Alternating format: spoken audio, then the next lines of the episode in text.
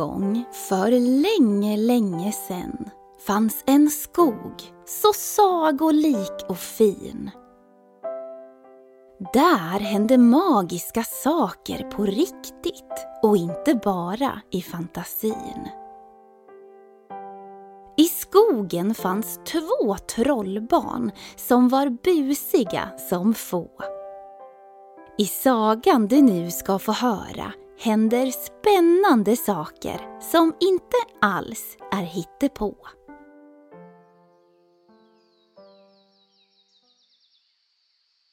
Solen sken och vädret var vackert. Pappa Troll stod på gräsmattan och visslade glatt medan han hängde upp tvätt. Trollbarnen Sten och Flisa tävlade om vem som kunde hoppa från högsta grej. Flisa hoppade från en stubbe och sa Du vinner aldrig över mig. Sen sprang de runt pappa och lekte jaga. Men när de hade sprungit runt pappa hundra gånger började han att klaga. Nej, sa han och mot ängen han började peka. Ni kan väl gå dit istället, till stora ängen för att leka.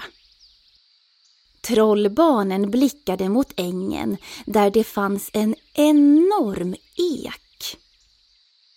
Kom, sa Flisa och drog med sig lillebror för att fortsätta deras lek.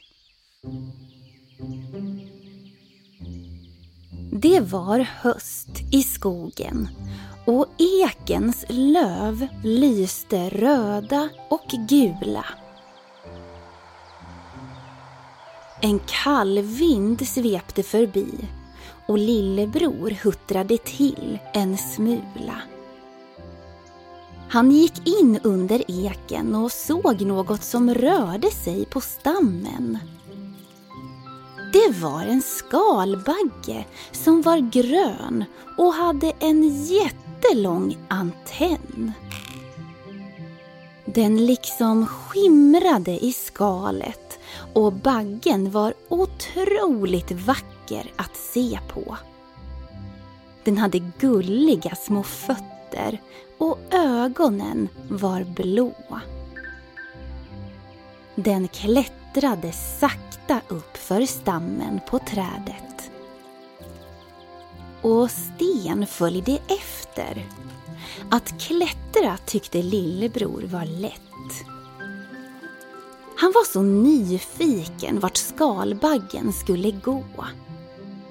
Den kanske hade ett eget hus i trädet med ungar i som var små.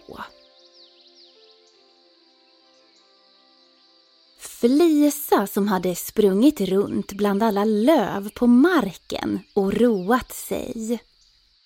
Hörde nu plötsligt Sten ropa.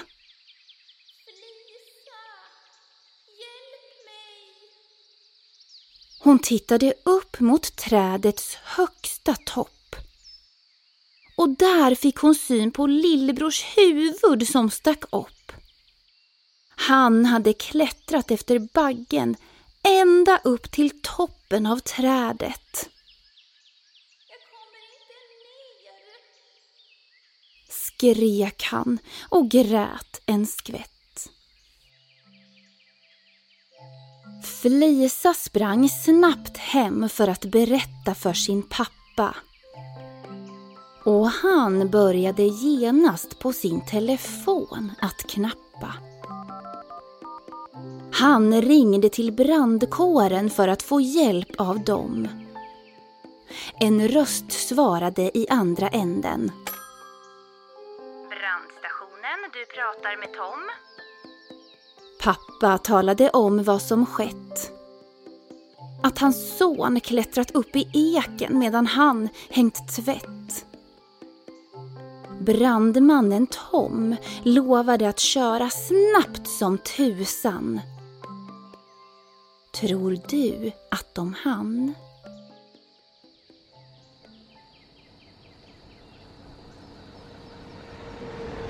Jo då.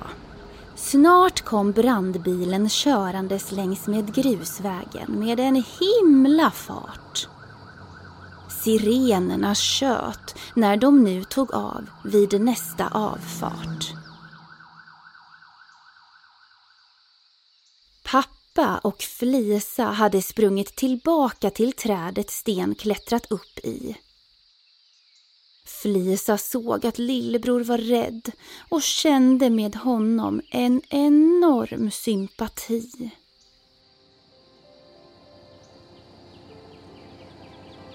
Brandbilen parkerade bredvid trädet och ur hoppade brandkvinnor och brandmän.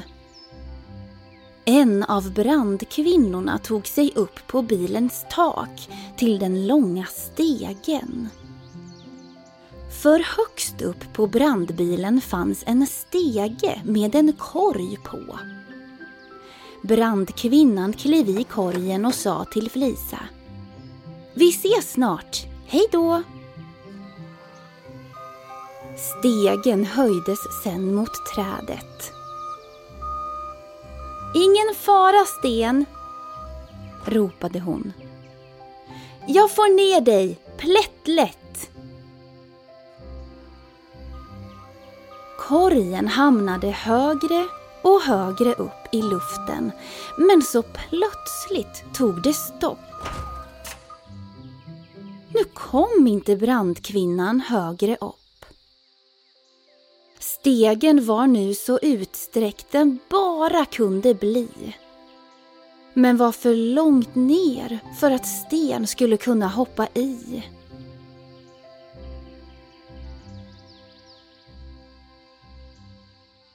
Blås upp språngkudden! ropade brandkvinnan till sin kollega Tom. Lillebror började bli trött där uppe i trädet så nu var det bråttom.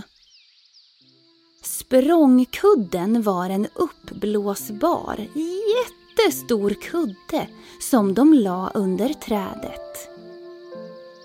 Så nu var det ju bara för Sten att hoppa ner på den, lätt som en plätt. Men Sten var rädd och vågade inte släppa taget om grenen han höll sig fast vid. Ta det lugnt, ropade Tom. Ingen brådska, vi har tid. Sten tittade ner på språngkudden och på alla brandkvinnor och män. Sen kom han att tänka på leken han och Flisa lekt tidigare under dagen. Och då plötsligt släppte nervositeten som funnits i magen. Lillebror släppte taget om trädet och hoppade rakt ner i kudden. Snabbt stod han på fötter igen och sa Flisa, nu vann ju jag leken! Vi tävlade ju förut om vem som kunde hoppa från högsta grej. Och nu vann jag över dig. Ja, det gjorde du din lilla busunge, sa Flisa och kramade om honom länge och väl.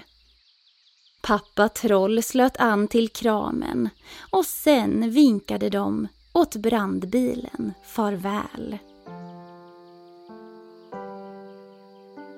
Nu går vi hem, sa pappa och strök sten längs kinden.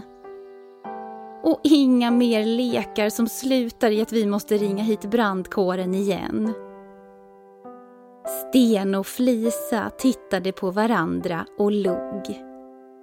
De kunde ju inte lova något, för de var ju trots allt de busigaste trollbarnen i hela vår sagoskog.